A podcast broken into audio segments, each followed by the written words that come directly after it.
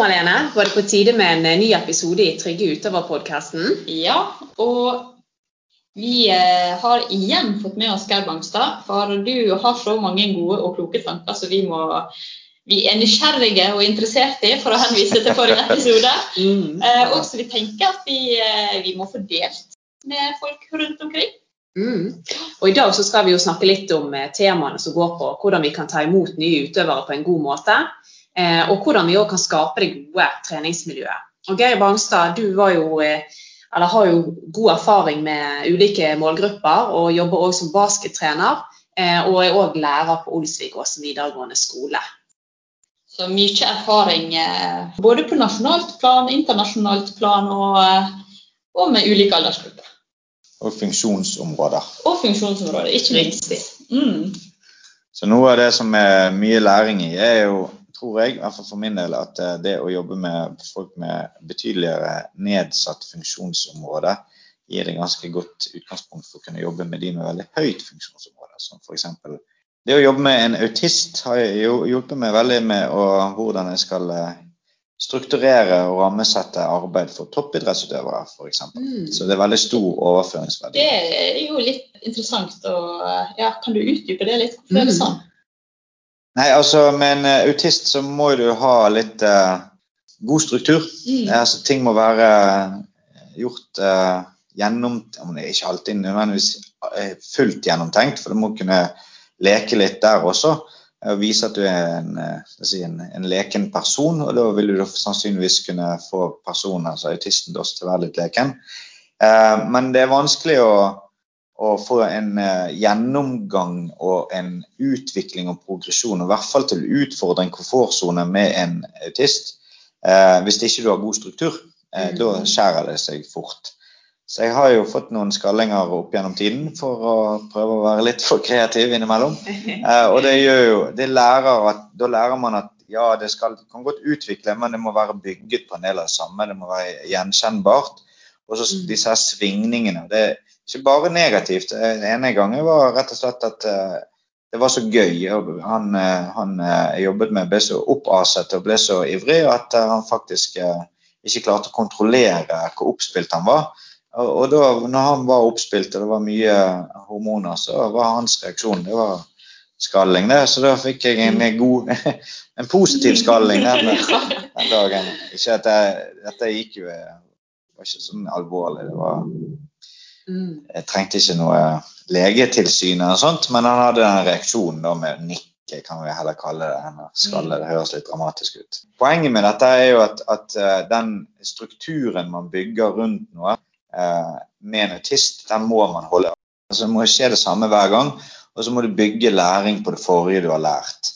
Eh, og det er en, vi- en, eh, si, en egenskap eller noe som man veldig fort kan overføre til både til toppidrettsutøvere, men også i forhold til dette her som vi skal snakke om i dag, med å integrere utøvere.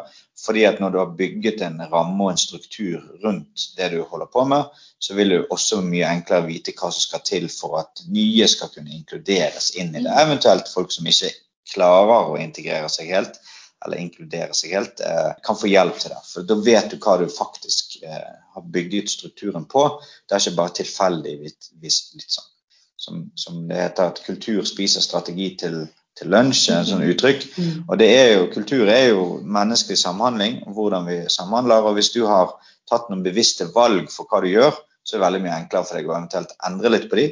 Eh, Mm. og da kunne formidle de til andre, sånn at de forstår hva som skal til for å være der som du er. Og det, der kan det hjelpe veldig. Så jeg anbefaler alle å, å jobbe med elever med særskilte behov, eller Mm. eh, utøvere med særskilte behov. Mm. Ja. Du snakker jo mye om eh, rammer, og det skal vi jo faktisk komme ganske mye inn på litt senere i podkasten i Mm. dag. Og så har jo vi laget en fiktiv person, ensomme Eva. Kanskje du kan fortelle litt eh, hvem denne personen på en måte er, da? Eh, litt sånn generelt, og, og hva gruppen vil ha å si for denne utøveren. Altså, det er vel eh, ingen klar eh, definisjon på akkurat hvem dette er. Mm. For det kan være så utrolig forskjellig hva som er bakgrunnen for hvordan, hvorfor den personen har kommet i den situasjonen. Det kan være at rett og slett laget eller kulturen eller aktivitetsgruppen er, sånn, er så rar for den personen.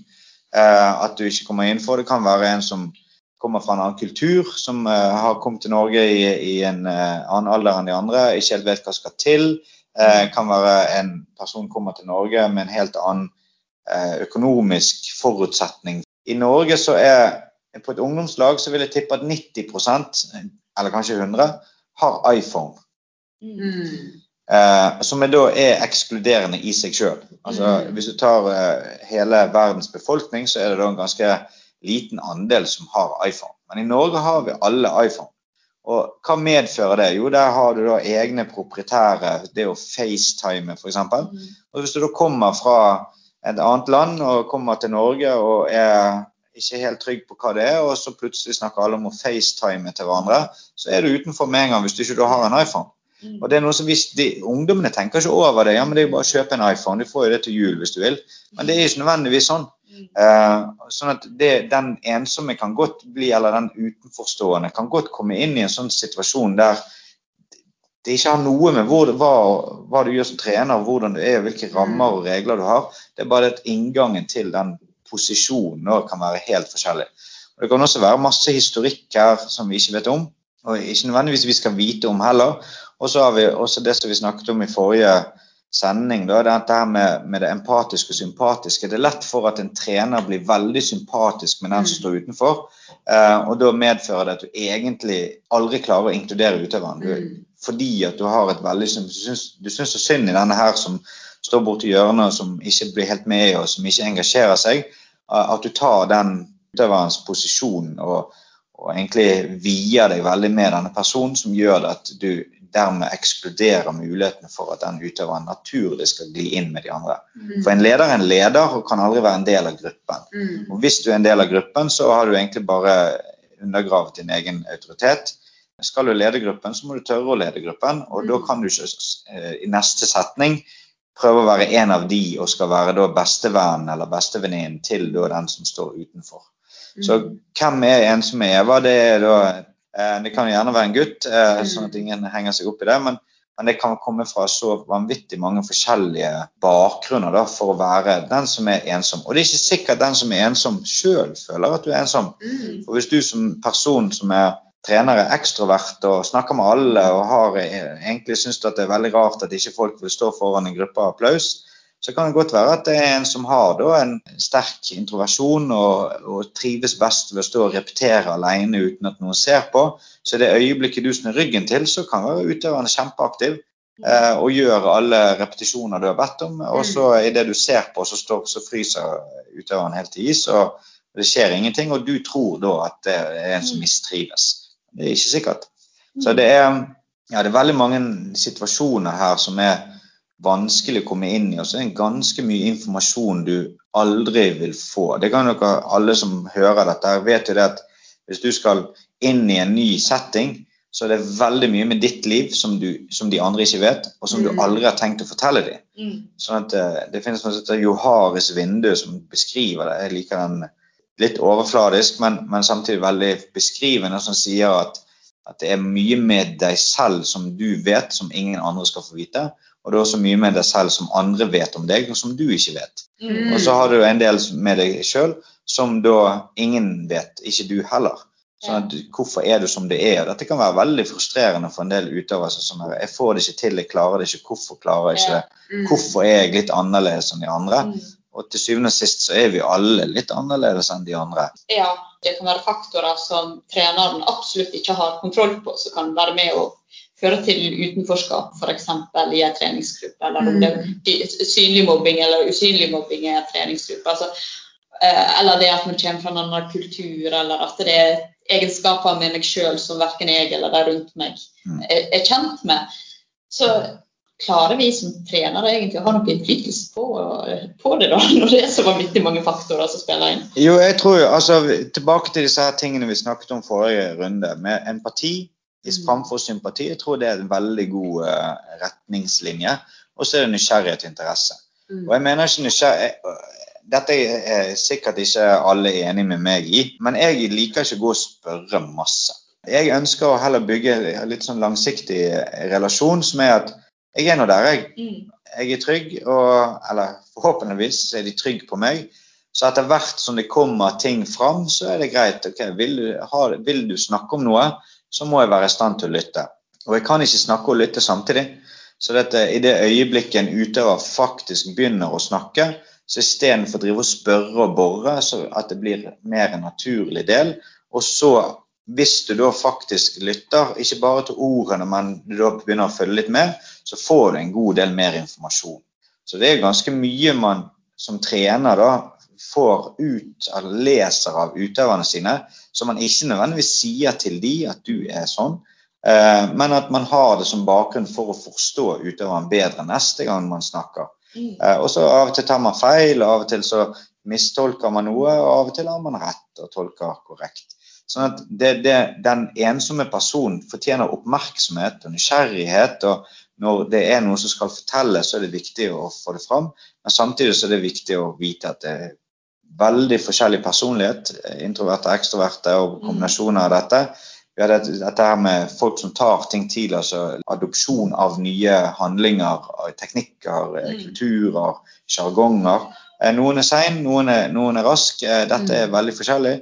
Folk har et veldig ulikt intelligensbilde. Noen er matematiske, andre språklige, andre kroppslige, andre sosiale.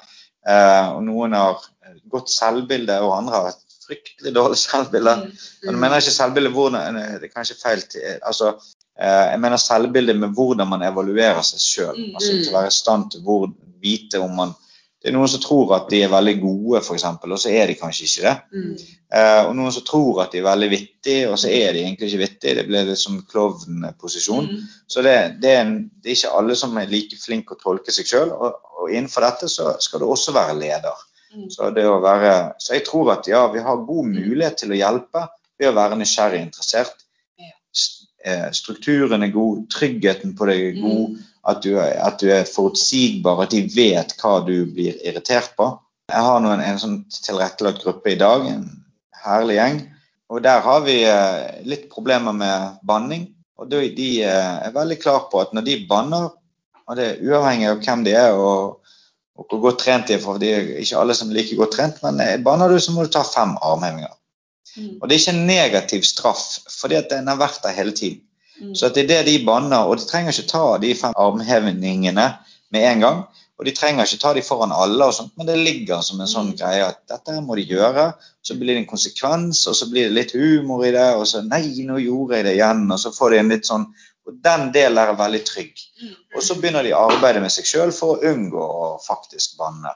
Og så medfører det da en verdisetting og en Mm. trygghet på at, at eh, Som forrige uke når vi hadde denne, hadde denne gruppen, så var det en som bannet, og så sa jeg ingenting. Og så gikk det en stund, og så sa jeg jeg ser har ennå ikke tatt arm, armhevningene dine. Og da ble utøveren veldig glad. Fordi jeg hadde lagt merke til at denne her Mm, Ikke sant. Eller eleven, at denne eleven hadde bannet, og så hørte du det. Ja, jeg hørte det, jeg venter på Ja, ja, selvfølgelig skal jeg ta det. Jeg det. Ja. Og det er bare det å få den lille påminningen, Mm. påminningen om det, istedenfor at jeg står og kjeftet på at denne utøveren da bannet. Mm. Tok jeg det litt seinere bare for å vise at jeg har fått det med meg. Og da viser jeg at jeg er interessert i utøveren. Så jeg tror nok at ja, vi har mye vi kan lære der, men jeg mener histor altså, historikken til uh, utøvere er alltid 100% og Dette nevnte dere litt for, før vi begynte med podkasten, at, at jeg, jeg har vært såpass heldig at jeg har truffet en del interessante mennesker, og en av de var psykolog på Ibiza. Eh, og han sa at alles historie Det er like interessant å høre historikken til en Hollywood-stjerne som en eh, tilfeldig arbeider fra Bristol. Eh, alles historie er helt unik, og alles er like god. Eh, men ikke alle som er like gode fortellerne, ikke alle som har like spektakulære events i løpet av livet. Men alles historie er da 100% altså de, De har levd livet sitt. Alle har levd sitt eget liv. Og den historikken her, den er unik. Og hvis du da er klar over det, at det ikke er utøver A som kanskje er best i la oss si fotballag, da, utøver A som er den beste spilleren, eh, og som har vært på akademier til si, Chelsea og Manchester United eller Real Madrid, eller hva det var, som har vært med på veldig mye og spilt på her og der og regionslag, har jo ikke nødvendigvis en bedre historikk enn en utøver B som begynte for to dager siden og aldri har sparket inn fotball. Det kan være historikken til utøver B eh, kanskje kan være like interessant for deg å høre på hvis du bare er interessert Mm. Mm. Eh, Det andre er at det er mange delte hjem. Barn bor gjerne litt her og litt der.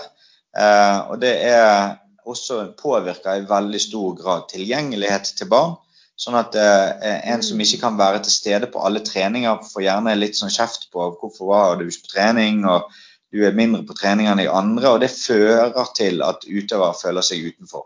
Så om de da ikke kan være til stede på onsdagstreningen hver uke, så vil du nesten automatisk få en som ikke nødvendigvis blir holdt utenfor av de andre, men som sjøl vet at denne utøveren ikke var på alle treninger, vet at treneren veldig gjerne ønsker at alle skal være på alle treninger, og dermed ekskluderer seg sjøl. Eh, og det er, trenger ikke være noe annet enn enn, si, delte hjem. Det kan være akkurat samme utstyr i forhold til delte hjem. At eh, utstyr, Noen lag har jo utstyrspress eh, i forhold til eh, hva slags type drakter og sko videre de har. Og det kan være så enkelt at, at noen har eh, en del av altså far eller mor, altså det avhenger av hvor de er. Den ene delen setter veldig mye setter idretten mye høyere enn den andre. Sånn at de egentlig de speiler to ulike verdi, verdisyn og verdisett på trening, på, eller på idrett når de kommer på trening, som da også gjør at de blir veldig utrygge og usikre, og da gjerne ekskluderer seg sjøl litt. Eh, økonomi er en viktig faktor. Jeg nevnte dette her med, med telefon. Eh, og det å ha rett telefon, det å ha rett utstyr i en viss alder betyr veldig mye. Eh, jeg tror nok det er også en vesentlig faktor for at, eh, for at man skal klare å få en god relasjon med utøver, at man er klar over at vi er veldig rike i Norge. altså Vi har veldig mye som ikke nødvendigvis er, er egentlig noe som er en forutsetning for å drive med, med aktivitet. Mm. Eh, og så er det en annen eh, grunn som er, er viktig, det er dette med snakkemåte, sosiolekt og dialekt og sånt, at det kan også ha en ganske stor innvirkning. Mm. Sånn at hvis eh, man eh, snakker på en måte som er veldig tydelig for en by, Bergen Mm. som har en veldig tydelig dialekt, Mm. eh, og du får utøvere som kommer, for trenger ikke være at de snakker nødvendigvis en annen dialekt som er grunnen, men de rett og slett ikke forstår ordene og uttrykkene. De forstår ikke sjargongen, de forstår ikke Mm. eh, snakkemåten. Det kan også ha en ganske stor innvirkning på så det overordnede med, med utenforskap. Da. Mm. Du trekker jo frem eh, veldig mye Eller det jeg syns er så fint at du trekker frem, er på en måte helheten i utøveren. da. At eh, det er på en måte ikke bare den du ser her og nå foran deg, men det er faktisk med hele historien. Det er bakgrunn, det er familiært, det er Mm. økonomi. Det er så mye mer enn det man kan se med det blotte øyet. da. Og så ikke minst også det der å få fram at noen utøvere de liker faktisk kanskje å trekke seg litt tilbake. Det, er ikke, det er ikke nødvendigvis noe ille med det. Mm. Eh, men for de utøverne som kanskje gjør det av det rett og slett handler om et mindre godt treningsmiljø f.eks., så har du jo kommet med noen tips til hvordan man bedre kan ivareta disse utøverne og få bedre ivareta disse utøverne, sånn at de føler seg godt integrerte og en del av fellesskapet på trening. Mm. Og litt sånn som vi snakket om tidligere, sant? dette med rammer. Det første tipset ditt går jo egentlig litt på det. Det å ha tydelige, eksplisitte og få regler som alle kjenner. Kanskje du kan utdype det litt mer, da? Ja, Um, jeg har jo nevnt ett av de, dette her med banning. Mm. Um, noe av det som jeg eh, misliker med regler, er hvis du har regler som du ikke håndhever. Mitt klassiske eksempel er at jeg tar på hånden før du skal si noe i klasserommet. Det er en fin, eh, fin anmodning å ha, men det er en dårlig regel. Altså, eh, det er veldig mange som, som tar opp hånden som ikke får ordet. og, og altså, Nå tenker jeg vanlig klasseromsetting. Eh, og mange som eh, blir spurt om noe selv om de ikke har tatt opp hånden. Så da er det en fin anmodning å ha, det er en fint ideal å ha, at du ønsker å vise ved, ved å ta opp hånden at du vil si noe. Eh, men, men det må være lov å si noe uten å ta opp hånden også, og det må være lov å av eller å, å be noen si noe uten at de har tatt opp, tatt opp hånden. Så det å ha regler er en del sånn eh, Vi har eh, hos oss eh, så eh, For å skape en kultur så har vi bl.a. at hvis, du, hvis en person snakker, skal du være stille og lytte. Og så skal du holde Vi har jo baller som bråker litt, så du skal holde ballen. Og hvis du bryter den regelen, så må du løpe. Det er en ganske enkel regel å håndheve. og Med en gang du har gjort det, når du får nye utøvere eller utøvere som er litt utrygge, så, så er det veldig, veldig trygg eh, ting å drive med. Altså, å holde en ball så lenge du har to fungerende hender. Selvfølgelig Hvis det er en funksjonshemning ute og går, så vil det nok være litt annerledes. Men, men eh, til og med eh, elever som har si, den ene om det er populært å si, unnskyld meg på forhånd, men jeg kaller det sånn CP-hånd. At hånd ikke er helt eh, Veldig respekt for de som klarer å være aktive med cerebral parese. Eh, men der hånden ikke fungerer helt, klarer også å holde en ball. Sånn det å å tilrettelegge for mye vil jo da være fordummende. Da kommer vi inn på dette sympatiske, empatiske. Forstår det er vanskelig mm. å holde ball, men du må holde den allikevel. Mm. Banning, hvordan man starter aktivitet. Eh, at eh, man ikke eh, f.eks. Eh, starter med å dele inn i lag, man starter med en felles aktivitet. Det har en del trygge rammer og regler som er veldig tydelige. Sånn er det her hos oss. Kan være så enkelt at uh, hos oss er vi snille med hverandre. Mm. Eh, regel, eller eh, når treneren eller noen andre snakker, så skal du være stille. Mm. Du skal få ikke lov å mase mens noen snakker. Det er mm. veldig viktig, for da får du denne hvisketiske. Og hvis det er noen som er litt usikre på seg sjøl, så kommer paranoiaen fram, og at du lurer på hvem er det du snakker om. Og Det merker jeg sjøl som trener. Jeg blir irritert. Og så blir når folk står, Hvis jeg står og instruerer, og så er det noen som snakker, og så begynner de å fnise mens jeg snakker, da lurer jeg på hva var det jeg sa. Mm. Og så er det gjerne ikke meg. Og da kan jeg tenke, hvis jeg føler det, hvordan føler da mm. en er Eva det, hvis, de, hvis, den skal spørre om noe når andre begynner å hviske og tiske? Veldig godt poeng. Absolutt. Ja. Jeg tror vi går videre til, til, neste råd, og det er si navnet til alle utøvere på hver eneste trening. Enkelt råd, egentlig, men mm. kanskje ikke alltid like enkelt å få til i praksis. Ja, og så er det viktig at det må være tilknyttet noe. Nå er ja. disse rådene korte, men for å utdype litt, så er det det, det holder ikke bare å si Malene Mona. Nei, altså, det holder ikke. Men, men, hvis jeg ser at Mona gjorde noe bra, så kan jeg si jeg ser deg, Mona, det var bra gjort. Mm. Så oi, så får du plutselig en litt sånn annen opplevelse. Eller uh, Malene, det er ikke riktig. Ja. Det er andre foten du skal gjøre det på. Mm. Så det trenger ikke være sånn gukk og flink du er. Og det er noe av det verste. Ja, alt er bra, alt er bare flott. Men livet er jo ikke sånn. Alt er jo ikke bare bra og flott. Noen ganger må man gi korreks. Og det å gi den, være helt bevisst å gi den, den korreksen med navn, betyr at dette gjelder meg, bare meg. Nå er det jeg som får oppmerksomheten.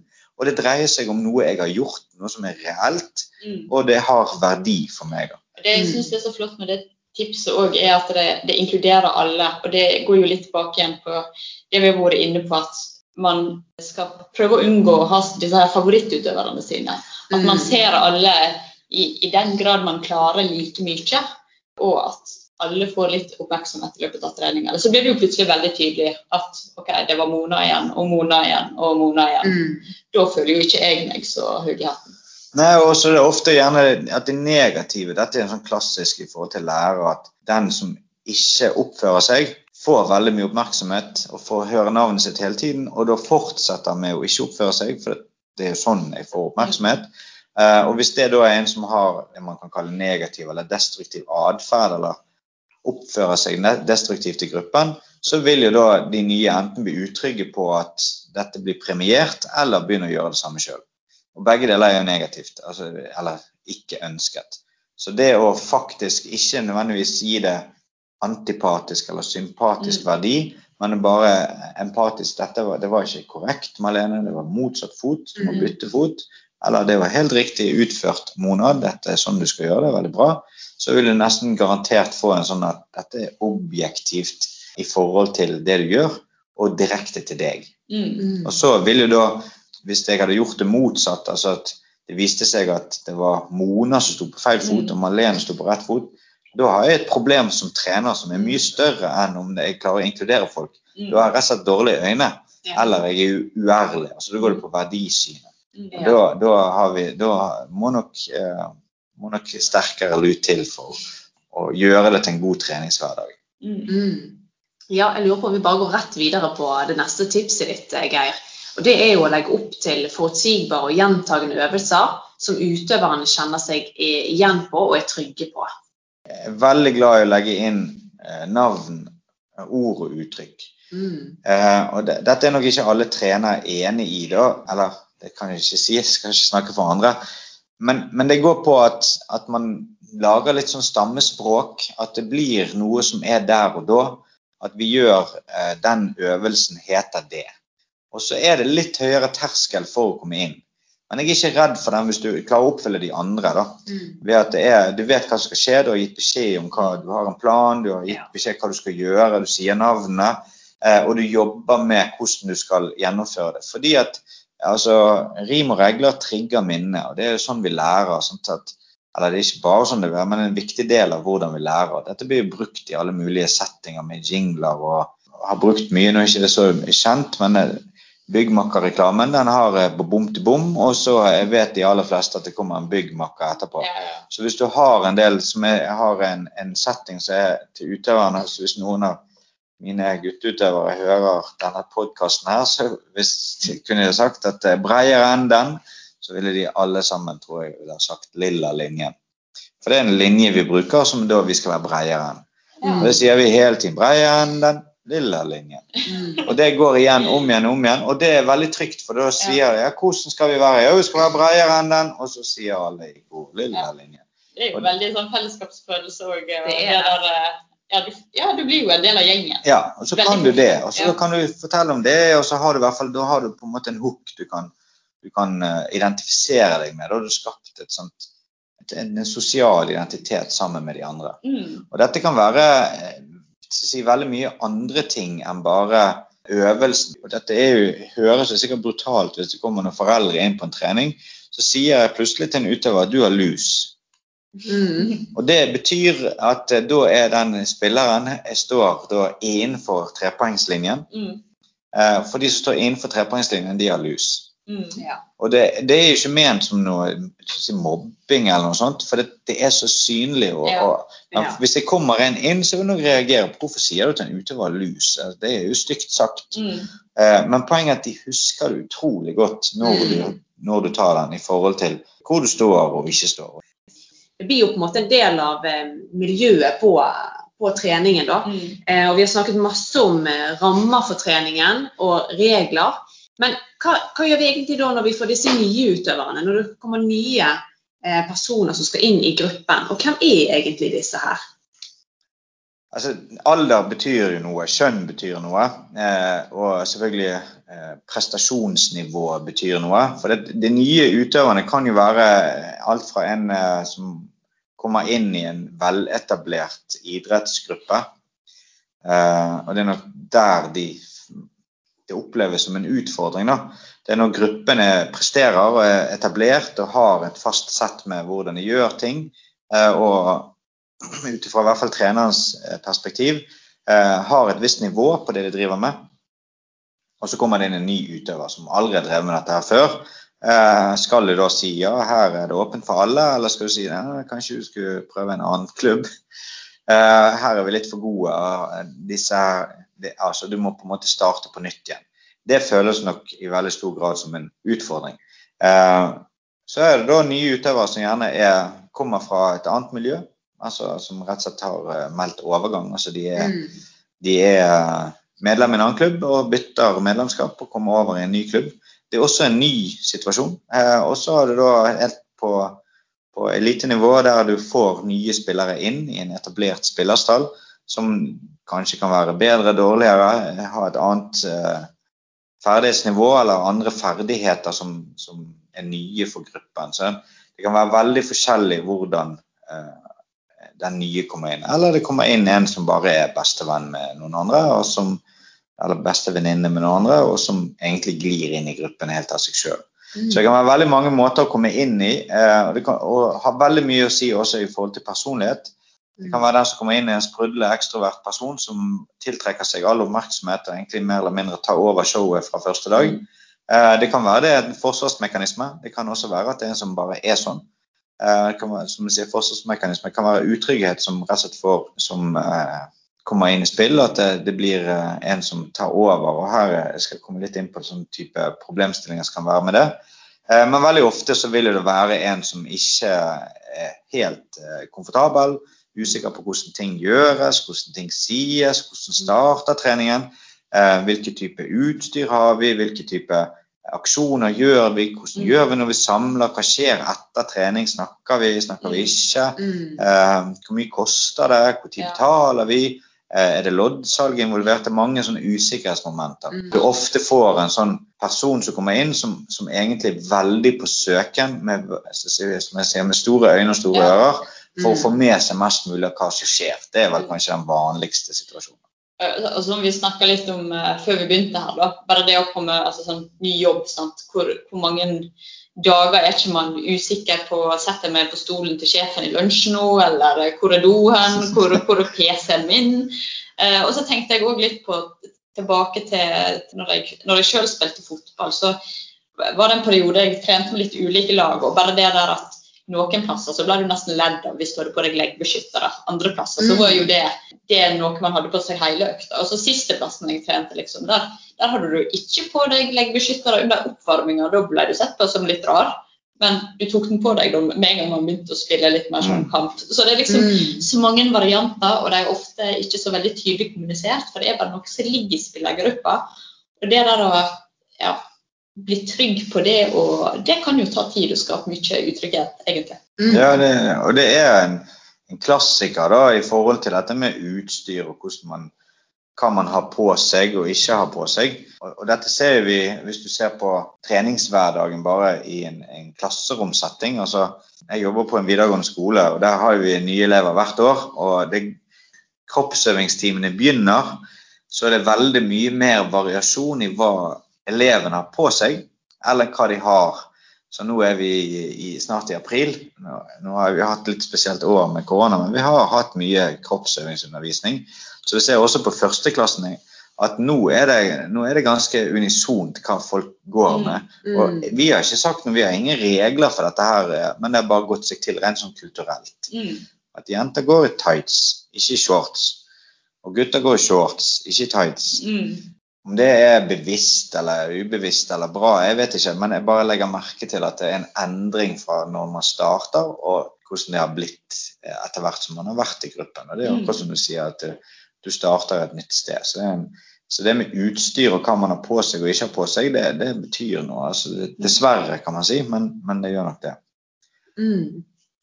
Så da henger jo egentlig litt, disse to figurene litt i lag. Altså det, Mm. Forstår ikke man helt den kulturen man kommer inn i som ny, så er det jo fort å, ikke få den fellesskapsfølelsen og føle på utenforskap, egentlig. Ja, og desto viktigere så er jo det det å skape den tryggheten allerede med første møte. Eh, og du har jo kommet med noen gode tips òg til dette temaet, Geir. Og det første tipset ditt er jo det å bruke tid på å introdusere deg sjøl og utøverne da for den nye utøveren. Kanskje du kan snakke litt om det? Ja, vi, vi gjør det. Om det er bra eller dårlig, det, det er hyggelig at du sier at det er gode tips. Men, men det er at, du, at vi starter med at uh, den uh, utøveren som kommer inn, sier uh, Eller jeg som trener, siden jeg har den lederposisjonen, sier her er en ny en som dere ser, den heter. Og så ber jeg av og til da, at den utøveren sier navnet sitt sjøl, men veldig ofte sier jeg navnet. Fordi at man er ikke, Kanskje det første man vil gjøre, er å snakke høyt foran en gruppe og bryte stillheten. Og så skal hver enkelt utøver si 'hei, jeg heter'. Og da er det ofte de ser på meg når de sier det. Som de sier 'det vet jeg, jeg kjenner deg', det er ikke meg du skal se på. Du må se på utøveren. Så må de se på den nye utøveren og si 'hei, jeg heter', og så navnet sitt. Og så må de gjerne si noe mer. 'Jeg bor der og er så Men det trenger de ikke. De trenger ikke lage en sånn lang eh, pistel om hvem de er og hvem de ikke er. Eh, Men så går da runden rundt. Og så sier jeg alltid til utøverne du trenger ikke huske hva alle heter, men nå har de i hvert fall sagt det. Men alle vet hva du heter. Mm. Og da er det, det er en helt en annen måte enn at du skal ha en sånn navnelek der egentlig alle Jeg, er litt, jeg syns navnelek er bra når hele gruppen er ny, Mm. men ikke når det kommer én ny. For de andre i gruppen de har jo ingen problemer med å huske navneleken ja. til de andre. Så blir en som blir stående med skikkelig med svarteper og skal prøve å huske alle, og det ja, jeg husker ikke. Og så at det går seg til, og så at man er litt flink til å si navn ellers i aktiviteten. Men det er jo tilbake til det vi snakket om, om tidligere i forhold til, til dette tipset som, som aktivitetsleder, at du sier navnet til alle. Mm. Og hvis du gjør det bevisst og konsekvent, Mm. så vil jo du mer eller mindre lære opp den nye utøveren til å da huske navnet til de andre. Mm. Ja, det er faktisk et veldig godt poeng, det. Mm. Og så går vi litt videre på, på tips nummer to. Forbered den nye utøveren for hva som skal skje på trening. Ja, det syns jeg er viktig. Og det er også viktig hvis du får foreldre som tar kontakt i forhold til eh, at de skal ha en sønn eller datter som skal inn på et, eh, på et lag. Og dette jobber jeg litt med lite også. at, at Får du en ny utøver, så har du en, en sånn forventningsavklaring på forhånd. Her gjør vi sånn. Dette Mm. blander jeg meg inn i. Dette blander jeg ikke, meg ikke inn i. Dette lar jeg gå. Hvis jeg jeg syns den ulv-ulv-historien er, veldig bra, for jeg liker ikke å rope ulv for ofte. Mm. Så jeg kan godt la ting gå litt uten at det bryter inn. Og det kan godt, så si, jeg har ingen problemer med at to utøvere av ren emosjonelle grunner krangler. Mm. Men i det øyeblikket de blir stygge, så bryter jeg inn. Mm. Og det, litt sånn krangling, det er bare menneskelig. Ja, da mener jeg ikke slåssing, men at man kanskje ikke krangling er feil ord. Uenigheter Ja. som de da uttrykker, det er helt greit. Og da må du si til det foreldre at her, hvis noen er uenig, så lar vi de være uenige, og det er helt greit så lenge de er innenfor rammen av, av respekt og, og tillit og ærlighet osv. Men, men hvis det skjer noe, så bryter vi inn. Når det gjelder skader, så tar jeg det. Jeg vil ikke at foreldrene kommer og tar det. For da blir det sånn, dessverre ikke om foreldre hører dette, men det blir ofte en sånn hysteri i det. Mm. Veldig sånn overdreven. Altså, folk skader seg. Du må jo skade deg litt for å vite at du lever. Altså, du skal kjenne litt på smerte for, for å vite hvor smertegrensen din er. Og det å tråkke over er ikke farlig. Altså, det, du trenger ikke å, å, å være redd for at noe skal være varig skadet. Det er normalt. Altså, få seg en, en kakk, en muskel en gang, og en lårhøne og en overtråkk og en og falle litt og blø litt. Og det, er en, det er en naturlig del av, av livet, og det er egentlig bare bra. Du blir litt mer herdet, du lærer deg eh, Du tvinges til å ha litt bedre balanse og lære deg å kjenne din egen kropp. Så et sånne ting vil jeg helst at foreldrene ikke blander seg inn i, Mm. med mindre jeg da kaller på de og sier at de må komme inn. Vi har også en del sånne andre rammer rundt som, jeg, som også går på forventninger i forhold til hvor tidlig du skal være på Mm. trening. Vi vil helst at du kommer sånn og sånn. Vi starter alltid med en samling. Du får beskjed om eh, hva vi gjør på trening, og vi har en del rim og regler som Mm. forklarer dette her med bredere enn den lilla linjen som jeg nevnte i sted. Har, det trenger ikke gå gjennom alt det, men at, at vi har en del sånne type ja, elementer på treningen. Mm. Og så kommer de da forhåpentligvis litt eh, eh, Når de kommer tilbake i trening, så er de litt kjent, og da skaper det en sånn Å, ja, det husker jeg. Og så får det forhåpentligvis en fellesskapsfølelse ut av det. Mm. Ja, det er en veldig fin følelse det der når du kommer tilbake igjen på treningen og du husker det, og du kjenner deg igjen i det. Mm. Men òg sånn, at- sånn som vi har snakket mye om tidligere, det at da treneren bruker et navn i det du kommer gjerne inn døren. eh, Hei, Mm. Nina. Mm. Eller hva det skulle være. Og Nå har vi jo snakket masse om eh, tipsene egentlig som går gjerne på både før og under trening. Men hva gjør man egentlig da på slutten av treningen? Og da ser jeg du har jo skrevet det at eh, still den nye utøveren et positivt spørsmål før treningen er over. Hvorfor akkurat dette rådet? Ja, altså, det, jeg mener at eh, Med positivt så mener jeg noe du vet utøveren vil eh, eh, svare positivt på. Ja. Ja. Sånn at du får en litt sånn eh, kan være alt fra kraft du, fikk du det til, og så vet du at du har Ja. sett det skjedde. Mm. Eh, Litt kjedelig og sånn. Var det en bra økt? Nei. ja. Skårte du, det er jo klassik, klassikeren. Det er, det er to spørsmål alle foreldre stiller ungene sine det er etter en kamp. Det er vant, vant du, eller vant dere, og skårte du? Uh, og begge deler kan jo eh, risikere å få negativt på. Nei, vi tapte, jeg skårte ikke. Så det er sånn, ja, da er du en taper. Da. Altså, det litt, du har på en måte stilt et spørsmål som gir da en negativ uh, følelse etterpå. Men det med positivt mener jeg den følelsen du får av å bli stilt det spørsmålet. Mm. Eh, har du lært noe? Stiller noen av utøverne sikkert møkk lei at jeg stiller spørsmålet, for jeg stiller alltid opp først med ja, hva da? Og da er jeg sånn «Øh, ja, jeg har lært noe, men jeg vet ikke helt hva. Så, så, sånn, ja, hva var vitsen med treningen da, hvis ikke du vet at det var noe du lærte? Eller var det gøy? Altså, Mm. for det, det, det er veldig, Var det gøy hvis du har sett utøveren smile på trening og du spør var det gøy, og så sier utøveren nei. Så er det ok, da vet du i hvert fall det. Da har du lært Mm. noe, men veldig ofte hvis du har sett utøveren smile og le og ha Mm. så sier var det gøy? Ja, det, var gøy. Ja, hva var det som var gøyest, da? Mm. Så bryr du deg plutselig tilbake til dette med interesse og nysgjerrighet. At du viser Vil treneren faktisk vite hva jeg syns var gøy? Jeg syns den danseleken på begynnelsen var gøy. Så bra. Da skal jeg huske til neste gang. Takk for at du sa det. For da får du sånn positivt engasjement. Og det jeg mener med, med, med på slutten av treningen, eller før treningen er over, mener jeg før de går ut døren. Ja. Altså det, de, de trenger ikke være midt, altså det siste du gjør på en trening. Men, eh, og, og det kan være en god del spørsmål du stiller som er ledende. Så, som jeg, dette gjør jeg det mye. Så jeg noe av det viktigste du har, det begynner på B og slutter på like. Mm. Og da er jeg, jeg, ja, jeg vet det, jeg vet det, jeg vet det. Og da er det veldig enkelt å svare rett. Eh, Mm. Men da kan du også si dette. Ja, er korrekt. Mm. Er, er det viktig å ha noe som begynner på F og slutter på art? Så sier ja, jeg vet det, fart er viktig. Mm. Og så har du fått et sånn type engasjement som gjør at du får eh, spillerne. Det er litt sånn teite tips, egentlig. Eh, fordi det er så selvfølgelig. Men Mm. prøv, hvis du er trener og hører dette, prøv å gjøre noe av dette. Da skal du se at det får en helt annen effekt enn du faktisk eh, kanskje være forberedt på. Fordi at det er ren psykologi. Altså det er ikke noe det har ikke noen dypere mening enn at det virker på, på hjernen din. Og når Mm. det virker på hjernen din, så har det gjerne en effekt også på hukommelsen din, og på læring og på hvordan du føler deg. Mm. Mm. Men jeg har lyst til å si noe også med dette med, med, med de, de som er ekstremt ekstroverte når de kommer inn. Ja. Eh, som jeg nevnte i, i starten, som jeg sa jeg skulle komme tilbake til. For dette her er det en sånn obs, obs, obs. Fordi at eh, der kan det plutselig komme inn eh, mye løgner.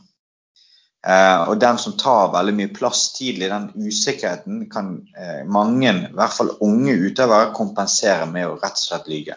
I begynnelsen så kan det være utrolig fascinerende, i hvert fall hvis du ikke helt klarer den skillet mellom sympati og empati, at du syns dette var så, artig og så gøy du var, som kom inn her og bare sprudler og full av energi og en vitamininnsprøytning for laget. Så du kan fort få en veldig sånn sympatisk oppfattelse av at dette her likte du veldig godt, denne personen vil du gjerne ha, ha med, og da vil den personen få en sånn følelse av at ok, det er det som skal til, det er det som forventes av meg. Mm. Og selv da på en dårlig dag, selv når en person ikke har noe nytt og spennende å fortelle, så vil personen likevel gjøre det. Og så ender du opp med å binde personen til å måtte være utagerende, måtte være energirik og måtte ha nye ting å fortelle.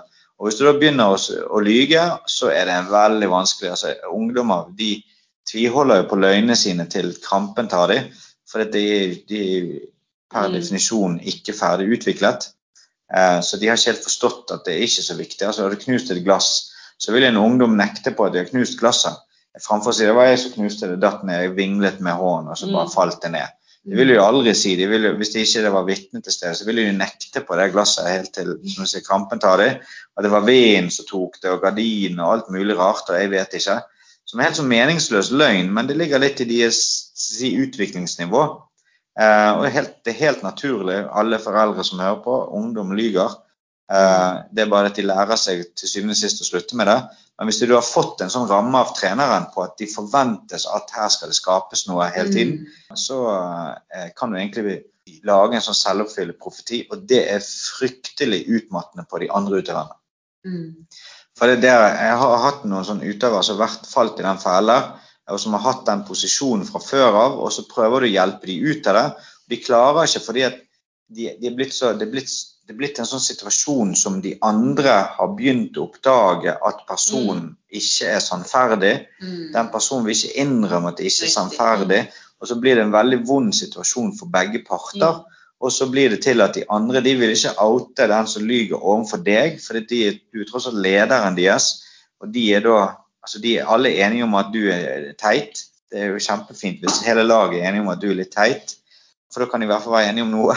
Eh, men så forhåpentligvis ikke utenfor rammen, da, sånn at du, du er likevel, de er villige til å følge deg og de er villige til å høre på dine råd.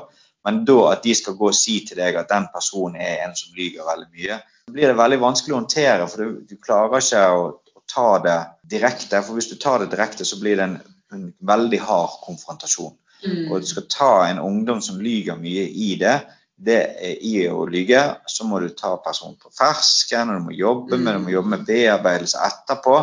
eh, og du må jobbe spesielt med selvbildet på den bearbeidelsen etterpå, for da blir det veldig ofte at de graver seg ned, og at de, de syns, de syns veldig ja, De mener sjøl at de er mindre verdt enn de andre, og så må du bygge opp igjen selvtillit. og sånn. Mm. Så det er en, en veldig farlig situasjon å komme i og, ikke ha litt sånn obs-varsel på en ny utøver som kommer inn og tar veldig mye oppmerksomhet og er veldig sånn midtpunkt i gruppen. Det, det For meg er det mer varsku enn en som er stille. For en som er stille, det, det som vi sa i starten, er mye mer naturlig. at du er du er litt var, du litt, Mm. eh, ja, ser det litt rundt. Mm. Du trenger litt tid på, på at ting går seg til. Mm. Og hvis du følger litt disse tips og rådene til for så vidt både nye Nina og en som Eva, eh, så vil du mye lettere kunne håndtere det. Men når det er sagt, så sier jeg det er mye likt her, men det er mye enklere å håndtere nye Nina Mm. enn en som Eva. Selv om det er Ja. veldig likt. For en som Eva, det kan du jobbe med i årevis og aldri helt klare. Så viser det seg etterpå at du kanskje har klart det, men du Mm. vet ikke. Nye Nina, hvis det er så, innenfor det så, så, såkalt normalavvik, så vil det være en person som etter en stund er helt integrert. Mm. Eh, og så er det da i forhold til, til prestasjonsnivå. Sant? Vi har en, utøver på Jeg har nå tre ulike sånn, treningsmiljøer med litt ulike aldre og, og konkurranselag. Men en, på ett av de så har vi en utøver som er ny, og som har vært veldig sånn Skal, skal utøveren spille? Skal han ikke spille? Skal det være Hvor mye skal denne være integrert med Mm. resten av gruppen i forhold til kamp og eh, suksess. Og vi har en teknisk veldig avansert idrett som Mm. gjør at når du er ny i vår idrett, så skritter du mye. altså Du tar for Mm. mange skritt mens du holder Mm. ballen. Spesielt når du skal snu deg, og så blir de andre som har lært at de er jo opptatt av at det er ikke lov, altså Mm. dette er skritt, må blåses. Og jeg sier nei, det går helt fint, har ikke, har ikke tjent noe på det, dette kommer etter hvert. Og utøveren er klar over at her er det for mange skritt, eh, dette må forbedres. Og så er det en sånn at du klarer å være litt avslappet i forhold til det, men samtidig ikke lette på kravene. Mm. Og det krever en jobb, men det går seg til, og det Mm. vil være en progresjon på. Med en som er Eva, så kan du risikere, eller den type problemstilling, kan du risikere at det er ingen progresjon. Mm. Det er ganske likt, Mm. likt hele veien. Det kan ta flere år. Og, det, er, det er langsomme prosesser som krever veldig mye trygghet og tillit. Jeg har jobbet med, med, jeg har jobbet med en voldelig tiåring en gang, og det var ingen fremgang. Mm. Han startet med å bite og spytte og, og, og slå og sparke på meg, og han sluttet med å bite, bite og spytte. Men det han sa til, eh, til Han bodde på barnehjem. På barnehjemmet det var at jeg var den store helten hans, han ville bli sånn som meg. Men det sa han ikke til meg. Nei. Meg beit han og spyttet på og sparket og gjorde all sin utagering. Og han gjorde det meget vel. Han var flink til, flink til det han drev med. Eh, men det hadde skjedd noe, Mm. men ikke overfor meg. Nei. Så overfor hans omsorgspersoner så var det, var det Mm. ikke det, Dette var ikke en person som kunne vært integrert i et idrettslag. Bare for å si at det kan godt være det skjer noen prosesser inni en utøver Mm. som ikke kommer til syne. Og Hvis du som trener skal stå og dra det utøvende ut av Mm. trives du bedre nå, har du det bedre nå, Mm. har de andre sluttet å mobbe deg, du begynner å grave sånn, så, så tror jeg nok du, du egentlig, det er, mer, det er like mye overgrep i det som, som kanskje den historikken som den utøveren har. Mm. Du nevnte så vidt mobbing. Hva rolle har treneren hvis man oppdager mobbing i ei utøvergruppe? Er det sånn at man skal tenke at OK, jeg ser det litt an om, om det bedrer seg på ei økt eller fire, eller skal man være tidlig inne og ta tak og ja, Hvordan går man egentlig fram Dette er jo ingen fasit på. Tilbake til mitt mantra befriende å ikke ha en fasit. Men eh, jeg tror jo at det første treneren skal gjøre ved en, en situasjon hvor du ser at her er det noe som ikke er bra, altså om det da er direkte mobbing, eller om, om det er noe som føles som mobbing, men ikke ment som det, det er å se på seg sjøl. Altså, er jeg en grunn i det? Og det, det jeg tror er første synd som mange ser. Mm. Det er, at, er det resultatfokusert plaging, Mm. erting, som da utarter seg over Mm. såpass lang tid, eller såpass forutsigbart, Mm. og såpass graverende at det faktisk er mobbing, Mm. Mm. så må du faktisk gjøre noe med det sjøl først. Det er Ingen vits å gå til utøveren og si at ja, nå må ikke vi plage Petter for at han ikke treffer mål. Mm. Når du har sagt at når vi har truffet mål, så skal alle få eh, ti kroner. Mm. Altså du har gjort det til en, en resultatorientert aktivitet. Og så kommer da følgene av å ikke ha resultatene er at noen blir plaget og mobbet. Så er det der du må begynne. Og så kan du Mm. etter at du har gjort noe med et eget verdisett og din egen personlige inngang eller din Mm. egen eh, verdisyn overfor utøverne, Da kan du faktisk gjøre noe med situasjonen. Jeg tenker Det er så viktig det du sier der. For dette, vi har jo helt på å si, noen trenere som eh, altså snakker ufint om eh, motstanderlag, Mm. eller motstanderlag som trener, eller enda verre motstanderlag sine utøvere. Han har kapteinen der, han er sånn og sånn. Ja. Ja, eh, eller så skjelle ut dommere, Mm. som gjerne er halvparten av alderen deres. Sånn at jeg, jeg tenker det er et veldig godt råd. Se litt på deg sjøl først. Før, Ja. altså, hva, hva verdier er det du eh, Ja, og- tar med deg og viser overfor utøverne? Mm. Måten du snakker på altså, Du nevner dommere. Det syns jeg er veldig bra at du gjør. For det, altså, dommere, hvis du, skal, hvis du ser på definisjonen av mobbing som en sånn vedvarende negativ atferd som er forutsigbar overfor samme mottaker, og gjerne da med forskjell i, i, i maktforhold. Mm. Hvis du tar det, og så ser du på hvordan dommere Det er jo akkurat det. Det er negativ, forventet, gjentagende atferd mm. med da ulike roller. En dommer kan ikke stille seg og så bare stoppe dømmekampen og så begynne å skjelle ut laglederen tilbake på akkurat samme måte. Det, det ligger ikke i rammen til en dommer. Så en Mm. dommer skal bare ta imot, ta imot, ta imot. ta imot. Og du, det, det er litt sånn at For enkelte så virker det som at de har veldig mye eh, ting de har lyst til å si rundt til folk, som egentlig kunne vært myntet på arbeidskollegaer eller Mm. ektefeller eller sine egne barn. eller hva det skal være. Men så er det dommeren som får det. For dommeren han må ta imot det, for det er rollen til en dommer. Og hvis du gjør det, så En ting er at du har trenere som har negativ kommunikasjon med dommer, men det andre er jo at du eh, Noe som jeg egentlig syns er like ille, det er at du sier til utøverne ikke si noe, jeg skal ta det. Og Mm. jeg snakker med dommeren. Og så måten du snakker til dommeren er da nedsettende og da Mm. negativ. Så hva er du egentlig sier? Det er ja, dere skal gjøre akkurat det samme. Jeg snakker for dere. Mm. Det kan være det, nesten verre, for det kan være sitter en utøver som sier nei, du snakker ikke for meg, jeg vil ikke snakke til dommeren. Sånn. Men jeg lærer meg nå til at nå snakker du på vegne av meg, og det er sånn man gjør det. Eh, og så etterpå så kan man da si ja, det er så dumt at utøverne de er så, de er så harde i munnen med hverandre på trening. Det er ikke rart det hvis det er det som de ser. Men det er jo også dette som du nevner med hvordan du omtaler andre utøvere, hvordan du Mm. spiller. Spiller du skittent? Altså, har du, holder du, har du du, har du ting som, som egentlig ikke er innenfor regelverket, som måten du gjør med andre for sånn, Den spilleren er så veik. Det er sånn som man kanskje kan si at en spiller er litt soft, som vi sier i vår idrett. Mm. Så hvis du er litt fysisk med den spilleren, så, Mm. så forsvinner spilleren fra en soft i Mm. hodet og en svak spiller.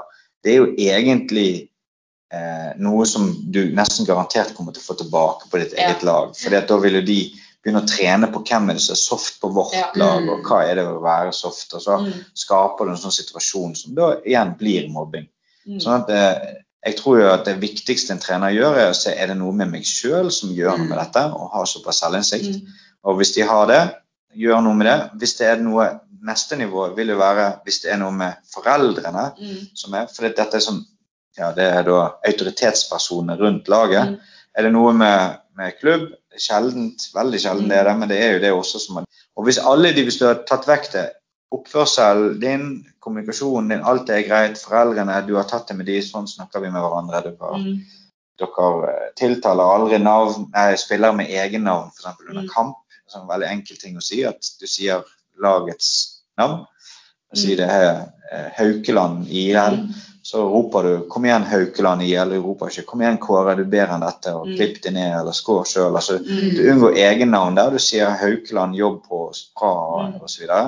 Rett og slett fordi det skal være en jevn fordeling. Mm. Det er ikke foreldrenes jobb å coache barna under kamp. Det er Nei. trenerens Mm. jobb. Treneren skal ikke stå og si 'Haukeland i IL, nå er vi flinke, nå jobber vi på'. Treneren skal si Malene, nå jo, du må lenger fram, du må lenger bak, du må Mm. ut på den, den er ikke farlig. Det er trenerens jobb Mm. ikke foreldrenes. Mm. Så de må skille på det. da. Men hvis du har radert vekk alle de andre, og så finner ut at det fremdeles skjer noe i gruppen, Mm. og du ikke ser det, få en annen til å komme og se på trening. Mm. Ja. For et, et, en annen person vil da se ting. Ja, jeg ser de to der, de sjekler hele tiden. Mm. Eller her er det en som hver gang den personen snakker, så, ah, Ja. så Mm. ruller øynene og. Det er ikke sikkert du ser det, fordi du har vent deg til de samme Mm. tingene. Men først se på seg sjøl før man begynner å gå inn i det. For hvis du da, Det er litt som at du, du fjerner eh, symptomer, men ikke årsaken. Mm. Mm. Sånn at hvis det er du som er, eller trenerens rolle som medfører at det Mm. kommer en sånn mobbekultur inn i det, så hjelper det ikke at du forbedrer kommunikasjonen mellom Mona og Malene Mm. på, på laget. For Du fortsetter det bare, så det er greit at de slutter, men det vil bare to andre begynne. Mm. Sånn at, sånn at eh, ja, treneren er viktigste årsak også til, til dette her. Og hvis du da har, er et godt forbilde på hvordan du snakker om andre og til andre, så plutselig skal du se at det, så begynner folk å oppføre seg. Ja. Mm. Men det kan ta tid.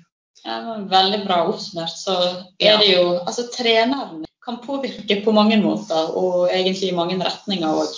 Utrolig viktig at vi sånn som du sier, at vi vender blikk inn mot oss sjøl. Hva er det jeg gjør, hvordan er det jeg fremstår, Mm. hva, hva kan jeg gjøre annerledes for å påvirke utøverne Mm. og miljøet.